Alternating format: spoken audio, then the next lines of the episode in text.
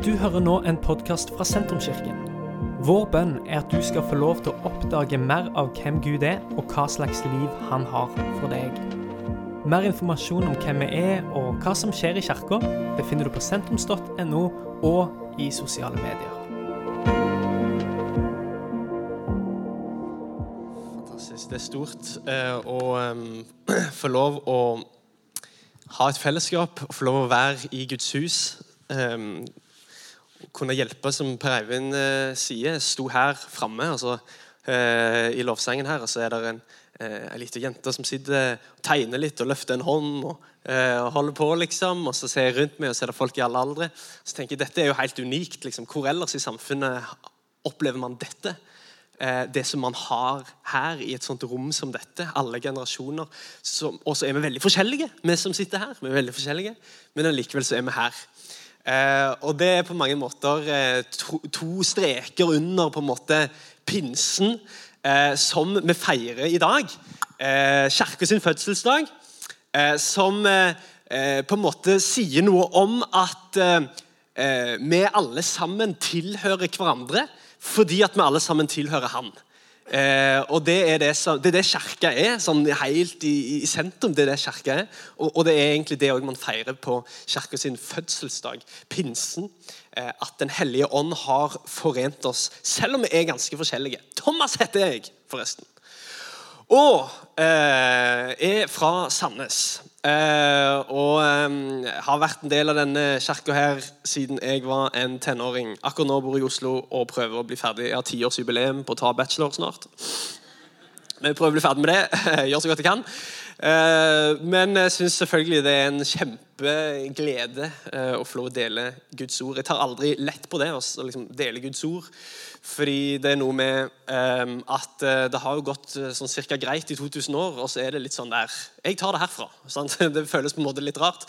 Men, men, Guds ord det tilhører oss alle, og vi skal lese noen ting i dag som jeg håper kan utfordre oss om. egentlig så håper jeg at du ikke bare får liksom, svar her nå, men kanskje du får noen nye spørsmål å stille.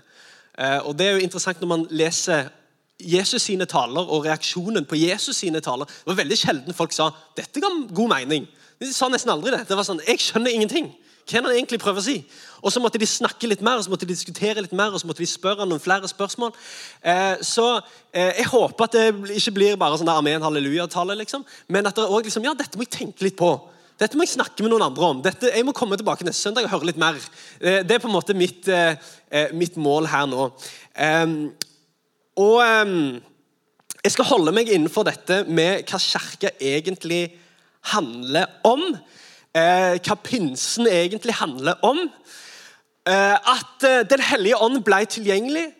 Den hellige ånd ikke bare liksom før Jesus sin tid så på en måte kunne man oppdage og erfare nærværet i tempelet inni det aller helligste. Eh, den hellige ånd var aktiv helt fra starten. Eh, fra første Mosebok er Den hellige ånd aktiv. Eh, og, Den hellige ånd kunne være på prester og konger. Men det som er hele forskjellen med pinsen, det er at Den hellige ånd, som før bare var over eller på noen og hoppet litt inn og ut av historien, plutselig så ble han tilgjengelig og flytta inn i den som tror. Han er ikke bare på eller bare aktiv her eller der. Nei, han er i hver enkelt en. Hver enkelt en som tror, har Den hellige ånd i seg. Og Det som er så rått med Den hellige ånd, det er mange ting. men eh, Jeg skal oppsummere med fire raske punkter som ikke står i notatene mine engang. Men jeg eh, tenkte jeg ville si de likevel. Det sykeste med Den hellige ånd, eh, eller de fire sykeste tingene, det er at de tingene som du egentlig ikke tør, det tør du likevel med Den hellige ånd. Jeg synes det er helt rått. De tingene du egentlig ikke tør, det tør du likevel sammen med Den hellige ånd. De tingene du egentlig ikke orker, det orker du likevel med Den hellige ånd. De tingene som du egentlig ikke vil, de vil du likevel. Eh, det er jo helt spesielt. Men det står faktisk at eh, det er han som er virksom i oss. Eh, sånn at vi både vil og gjør det som heter hans gode vilje. Hvis noen syns det er vanskelig å være en kristen, ja, det er helt riktig. Det er ikke, det er ikke engang bare vanskelig, det er helt umulig. Men med ånd, til og med de tingene du ikke vil, de vil du likevel. Og den fjerde tingen har jeg glemt. Men det var tre gode punkter. Så Den hellige ånd den gjør hele forskjellen. Han gjør hele forskjellen i den kristne sitt liv. Men jeg hadde likevel lyst til å fokusere på hva det vil si å være kirka sammen. Jesus han sa det til disiplene på slutten av livet. Jeg forlater dere ikke her som foreldreløse barn, men jeg sender Den hellige ånd. Og Han skal gå sammen med hver enkelt en av oss. Eh, og han skal eh, lære oss, han skal minne oss på alt det Jesus har sagt, og alt det som Jesus har gjort. Og Jesus han sier til disiplene bli i Jerusalem. ikke begynn å, Jeg vet at jeg har sendt dere til å forandre verden, men ikke begynn helt ennå. Bli eh, og vent til dere har fått Den hellige ånd. Og Disiplene de henger sammen, eh, og, eh, og, de er alle samler på ett sted. står det, Og så plutselig så er det som om eh, liksom hele huset rister. Det er en vind som blåser. Og det som eh, Bibelen forteller om, det er faktisk at kommer, Den hellige ånd kommer som en flamme, og det setter seg flamme på hodene til alle som er der. Og de begynner å snakke andre språk. Og folk som har kommet til byen, og som, eh, som er fra andre land, de begynner å høre historien om Jesus og de gode nyhetene om Jesus på sine språk fra folk som egentlig ikke kan de språkene. Og folk begynner å diskutere hva er greia her, hva skjer nå. Eh, og noen foreslår de er helt sikkert fulle, hele gjengen. Og så eh, tar da Peter ordet. Og husk, Peter var han som ikke for lenge siden fornekta, benekta at han kjente Jesus. Plutselig tar han mikrofonen. Med andre ord, De tingene du ikke tør, de tør du likevel. Så han tar tak i mikrofonen og sier dette som dere ser her, det har Gud snakket om i hundrevis av år. Hele Gamle testamentet er full av profetier som vitner om denne dagen. Der Guds ånd skulle ta bolig i hver enkelt en som tror. Alle skal få lov til å eh, leve sammen med en hellig ånd og se eh, syner og visjoner og gamle og unge. Alle, uansett hvem du er, mann og kvinne, uansett om du er slave eller fri. Alle som tror, skal få Den hellige ånds gave. Og så står det at mens han står og snakker om det her, så er det 3000 eh, som eh, Det står at Den hellige ånd stakk folk i hjertet. Og så er det 3000 som blir lagt til menigheten den dagen. 3000 mennesker eh, som, som, bekjenner den kristne troen, og som blir en del av den første kirka. Det er dette man kaller for en flying start, hvis du lurte. sant? Her er det tre, Plutselig de gikk fra liksom 12 til 3000 der på veldig kort tid. Ja, de var kanskje litt færre, flere i begynnelsen òg, men, men, men, plutselig er de 3000 som alle plutselig tilhører hverandre. Dette er mennesker som er helt forskjellige, i ulike aldre, men plutselig så tilhører de hverandre. Og Vi leser om den første kirka i apostlenes gjerninger. Eh, som er en actionfylt bok. Jeg skal, skal, holde meg til å lese bare noen få vers her, men de kommer opp på skjermen. For det er dette som skjer rett etterpå. Når 3000 har blitt lagt til menigheten, så står det at de holdt seg trofast til apostlenes lære og fellesskapet, til brødsbrytelsen og bønnene. Hver og en ble grepet av ærefrykt, og mange under og tegn ble gjort av apostlene. Alle de troende holdt sammen og hadde alt felles. De solgte eiendommene sine og det de ellers eide, og delte ut til alle etter, hver, eh, som hver enkelt trengte det. Hver dag holdt de trofast sammen på tempelplassen, og i hjemmene brøt de brød og spiste sammen med oppriktig og hjertelig glede, og de sang og lovpriste Gud og var godt likt av hele folket. Og hver dag La Herren til nye som lot seg frelse. Dette er konsekvensen av pinsedag. En hel gjeng med mennesker, tusenvis av mennesker som egentlig ikke hadde noen god grunn til å være sammen. Plutselig var de sammen. Plutselig så, så var de familie. Og, og, det, og, det, er radikalt, det som foregår her. De selger det de eier, og, og de gir av det de har. Og de holdt trofast Hør på den første setningen eh, til apostlenes lære, altså ordet, fellesskapet, nattverden og bønnene. De holdt trofast fast på de fire tingene. Det var det som på en måte var kjernen i den første kirka. Det var læren, det var fellesskapet, det var nattverden, det var bønnene. Det var kirka. Det var menighet. Men det er jo ikke bare ånden som har eksplosiv kraft når man leser dette. her.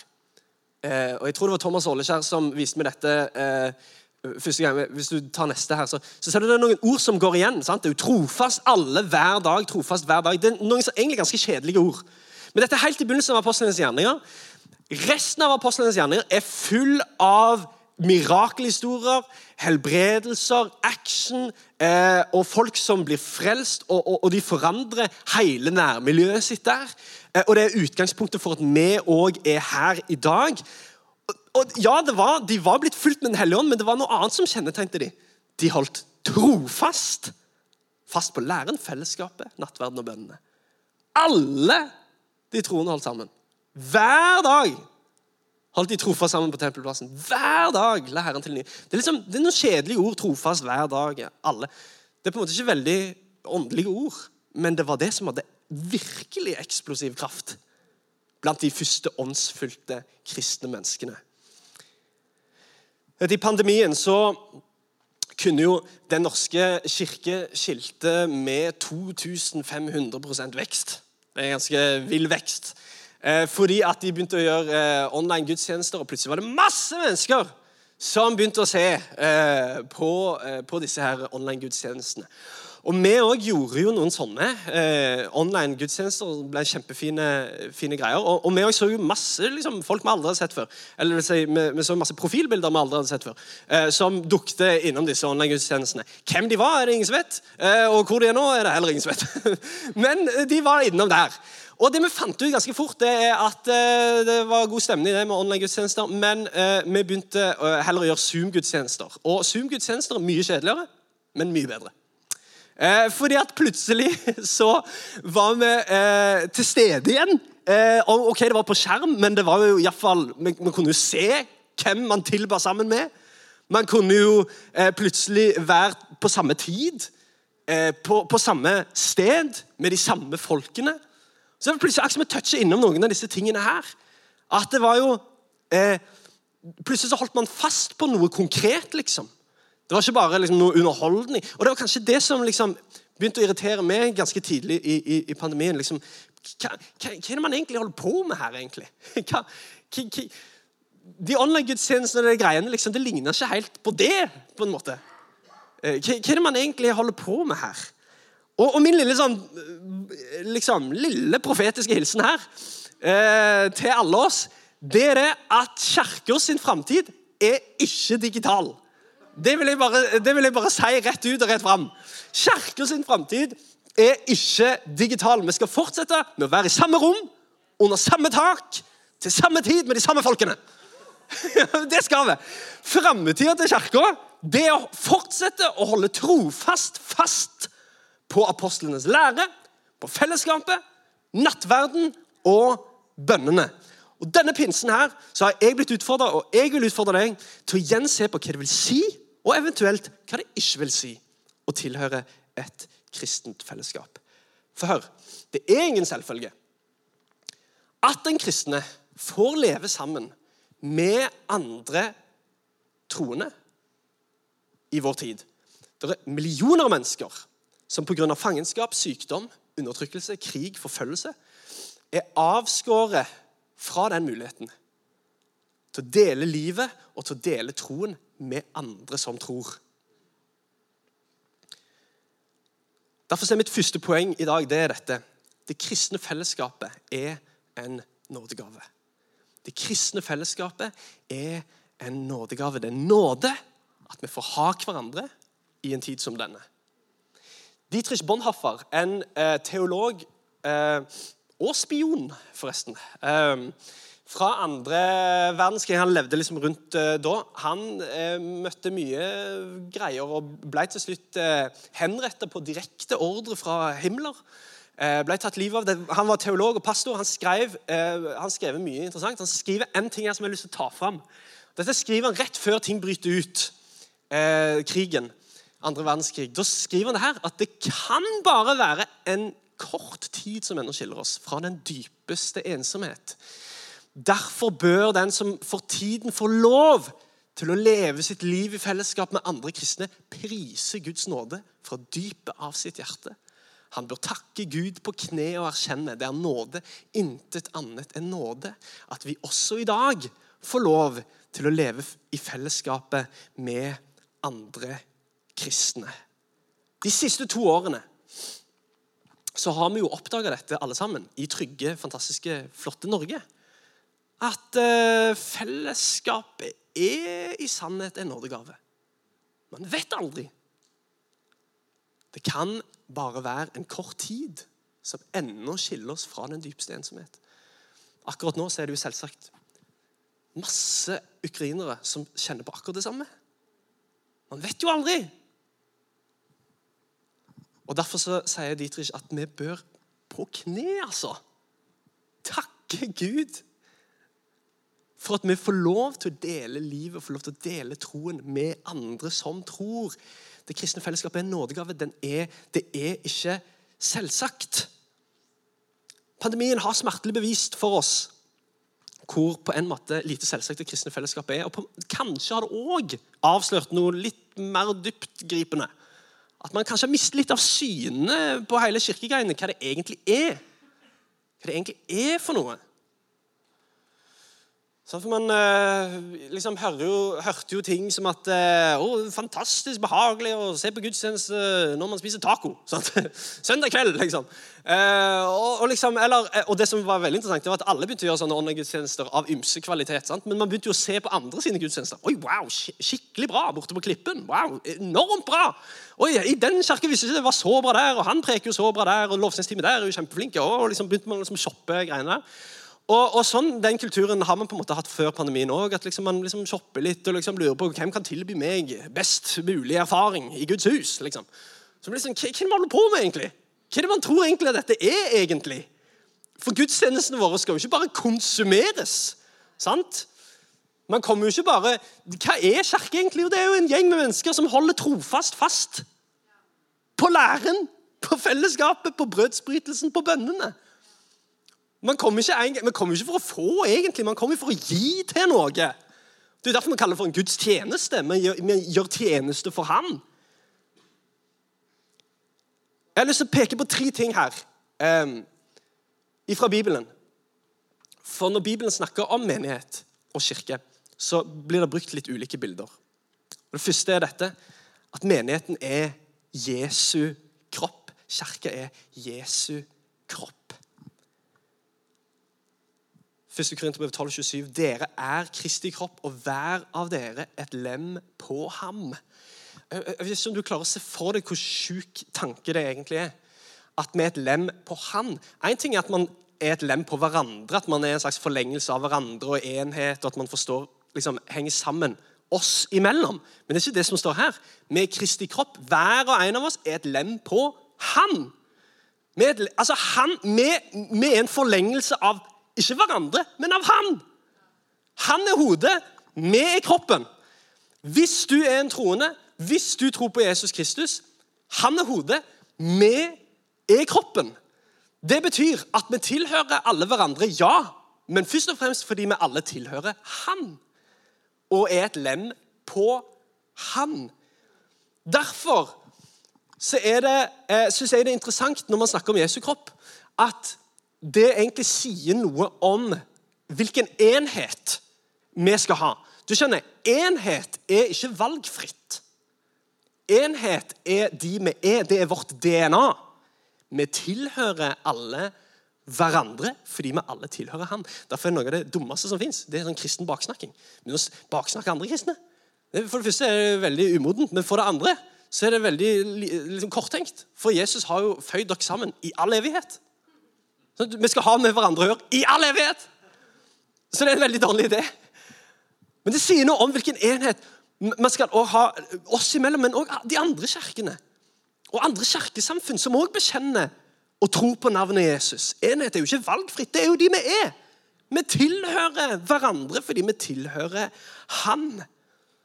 Og så er det et annet, eh, et annet bilde som blir brukt. og det er At, vi, at kirka er Guds tempel. Og det lærer oss noe, eller sier oss noe om, om, hvordan Gud ser på sitt folk. Nemlig at man er et hellig folk. Jeg skal lese et oppsiktsvekkende vers her fra 1. Korinterbrev 3, 16-17. Dersom noen ødelegger Guds tempel, skal Gud ødelegge ham. For Guds tempel er hellig, og dette tempelet er dere. Kirka er Guds tempel. Hva betyr det? Det betyr at vi er de menneskene.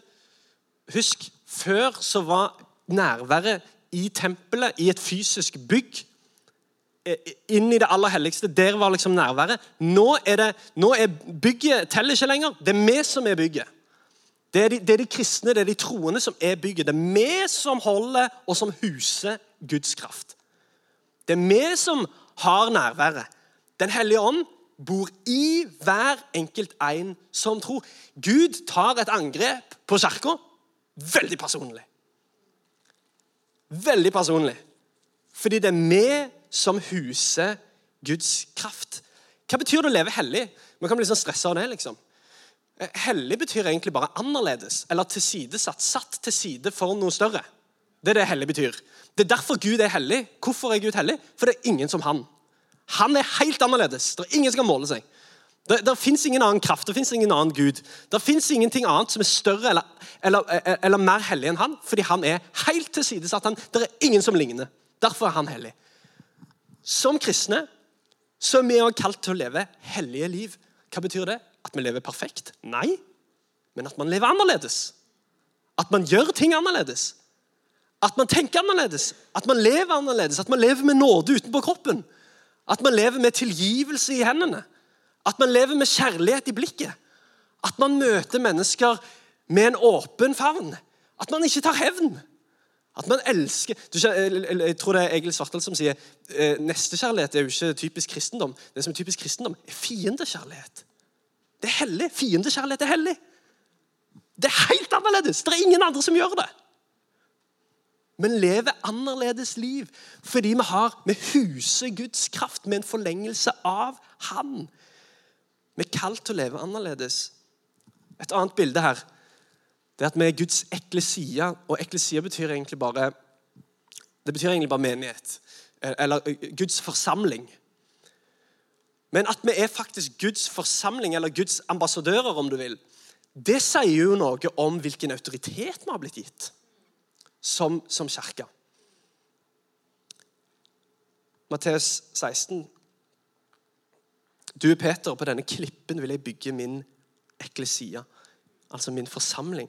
Og dødsrikets porter skal ikke få makt over den. Jeg vil gi deg himmelrikets nøkler. Det du binder på jorden, skal være bundet i himmelen, og det du løser på jorden, skal være løst i himmelen.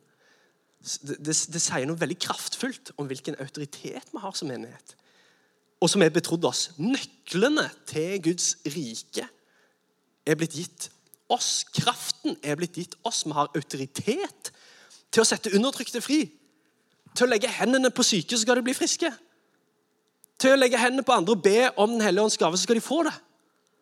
Vi har fått autoritet til å være lys, til å være salt, til å være en forlengelse av Guds misjon i verden. Det er det kirka er. Og Hva er poenget med å si alt dette her? Jeg prøver å si at Kirke er jo ikke en aktivitet. Kirke er en identitet. Det er den du er, og den du blir i etterfølgelsen av Jesus. Kirke er ikke, det er ikke bare noe man går på og, ser. Og, og, helt greit, Hvis du er her i dag og du er nysgjerrig og sier hva er dette for noe, det er helt greit. Det, det, jeg prøver ikke å lage A- og B-lag her. Men, men, poenget er at vi som tror, det er mye større enn at du bare skal fylle litt program på en søndag. Det er mye større. Du er kalt til enhet, du er kalt til hellighet, du er kalt til å ha autoritet i livet og i verden. Det er det kirka er, og det er det poenget som Bibelen prøver å lære oss. Jesus gikk ikke gjennom en smertefull korsfestelse, død og oppstandelse for at vi skal få et kulturtilbud i helgene. Det var mye mer dyptgående enn det han så for seg. Dødsrikets porter skal ikke få makt over kirka. Det er ganske sterkt. Og det er, det er, ganske mye som er betrodd oss. En annen måte å si det på er at Kirka er ingen organisasjon. Det er en organisme. Vi lever. Han er hodet, vi er kroppen. Tenk over det. Når Saul, som var på jakt etter å ta livet av de kristne, eller iallfall få dem i fengsel, som trodde han gjorde Guds eh, misjon, der eh, ville stoppe den, den kristne sekten når han er på vei til Damaskus for å, for å fengsle noen flere, så, eh, så, møter han et lys, og så sier det lyset til Saul Saul, Saul, hvorfor forfølger du meg? Ikke 'Saul, hvorfor forfølger du de kristne?' Hvorfor forfølger du meg? Dette er dypt personlig for han. Et angrep på de kristne er et angrep på han. Hvorfor forfølger du meg? Dette er to sider av samme sak, og det er helt vilt å tenke på. At vi som kristne er kalt til å være en forlengelse av han. Han er hodet, vi er kroppen. Derfor så blir det litt sånn absurd og egentlig òg problematisk når den kristne holder seg vekke fra eller forblir i et fellesskap bare pga. personlige preferanser. Det er en veldig rar ting. Vi, hvis vi drar til Ukraina og spør hva slags personlige kirkepreferanser de har, så er det et idiotisk spørsmål. Vi er heldige i Norge som har masse ulike menigheter og ulike kirkesamfunn. og Det skal godt gjøres å ikke finne en plass å trives. Og jeg tror at man med frimodighet kan lete etter en plass man trives. Absolutt. Men la oss, ikke, la oss ikke forlate et fellesskap, eller eventuelt forbli i det fellesskapet bare på grunn av en eller annen personlig preferanse. Vår venn Bonhoffer han sa noe annet oppsiktsvekkende. Kommer her. Han sa det sånn Den som elsker sin egen drøm om et kristent fellesskap mer enn det kristne fellesskapet sjøl, han ødelegger ethvert kristent fellesskap. Hva er poenget hans? Jeg tror, jeg, jeg tror, ikke poenget at man ikke skal ha en drøm. Altså, jeg, jeg elsker at vi er en, sånn, vi er en kirke som har en drøm, som har en visjon om, om å bety mer og om at unge mennesker skal få lov å vokse opp i troen på Jesus. Om det betyr noe for byen. Det, det, det, er ikke det det går ut på. Selvfølgelig skal vi ha en drøm og en visjon for kirka, men hvis man begynner å elske den drømmen mer enn det man har Eller sagt på en annen måte Når den eh, når, når det glansbildet av et perfekt fellesskap overskygger takknemligheten til det fellesskapet man faktisk tilhører, da er man på villspor. sant? Når glansbildet overskygger det man, det man har. Når man begynner å elske drømmen mer enn det man har, da er man på villspor. Kirka i sin klareste form, det er fellesskap ved Jesus Kristus og i Jesus Kristus. Det er ingen kirke som er meint å være noe mer enn det. Og det er heller ingen kirke som er meint å være noe mindre enn det ved Jesus Kristus, og det er i Jesus Kristus. Jeg tror det var Truls Åkerlund som sa det er en familie som ikke, er, som ikke først og fremst er sammen fordi de elsker alt det samme, men fordi de er elska av den samme. Vi er ikke sammen fordi man er helt like, men man er sammen fordi at vi elsker av den samme. Vi har alle sammen blitt tilgitt vi har alle sammen fått et nytt liv i Jesus Kristus. Og vi tilhører nå hverandre fordi vi alle tilhører Han.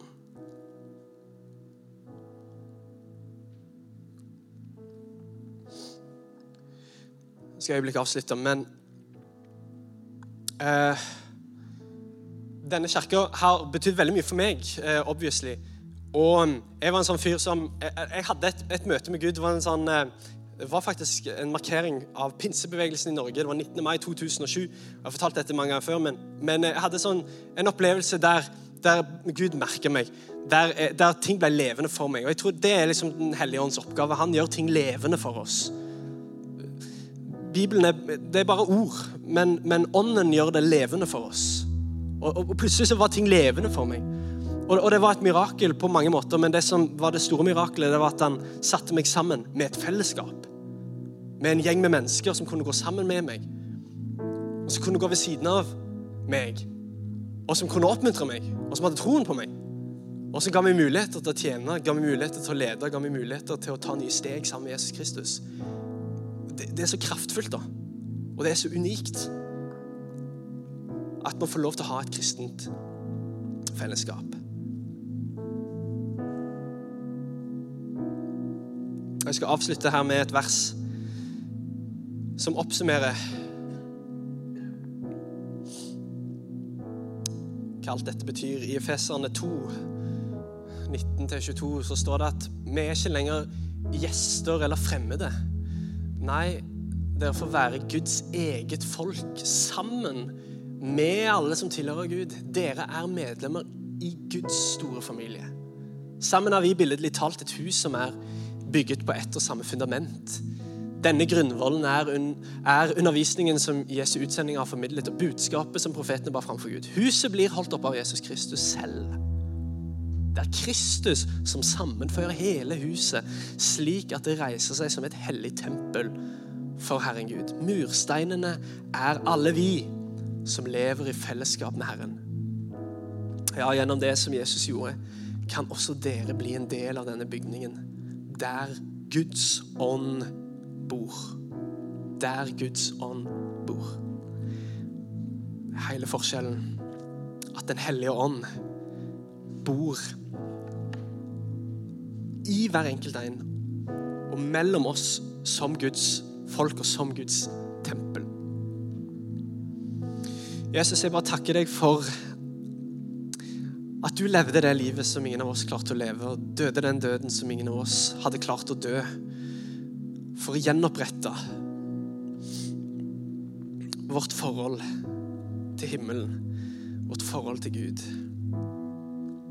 Så takker vi deg òg, Jesus, for at du ikke forlot oss her som foreldreløse barn, men du sendte talsmannen, livgiveren,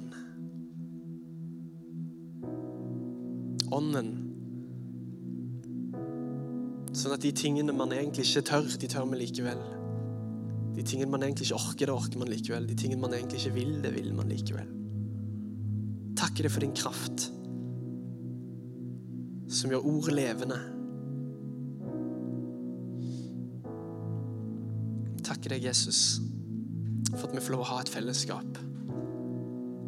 Få lov til å gå sammen med andre mennesker, dele livet og dele troen med andre. Og akkurat nå, Herre, så, så ber vi om at du kommer og gjør eh, det som bare du kan gjøre, Herre. Du ser hver enkelt en, hver enkelt sine behov. Når vi lovsynger deg, Jesus, så inviterer vi samtidig din ånd til å gjøre ting iblant oss. Til å berøre hver enkelt en.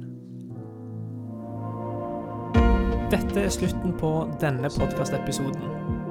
Har du spørsmål om Jesus, om tro, om livet, så er du hjertelig velkommen til å ta kontakt med oss via sentrums.no.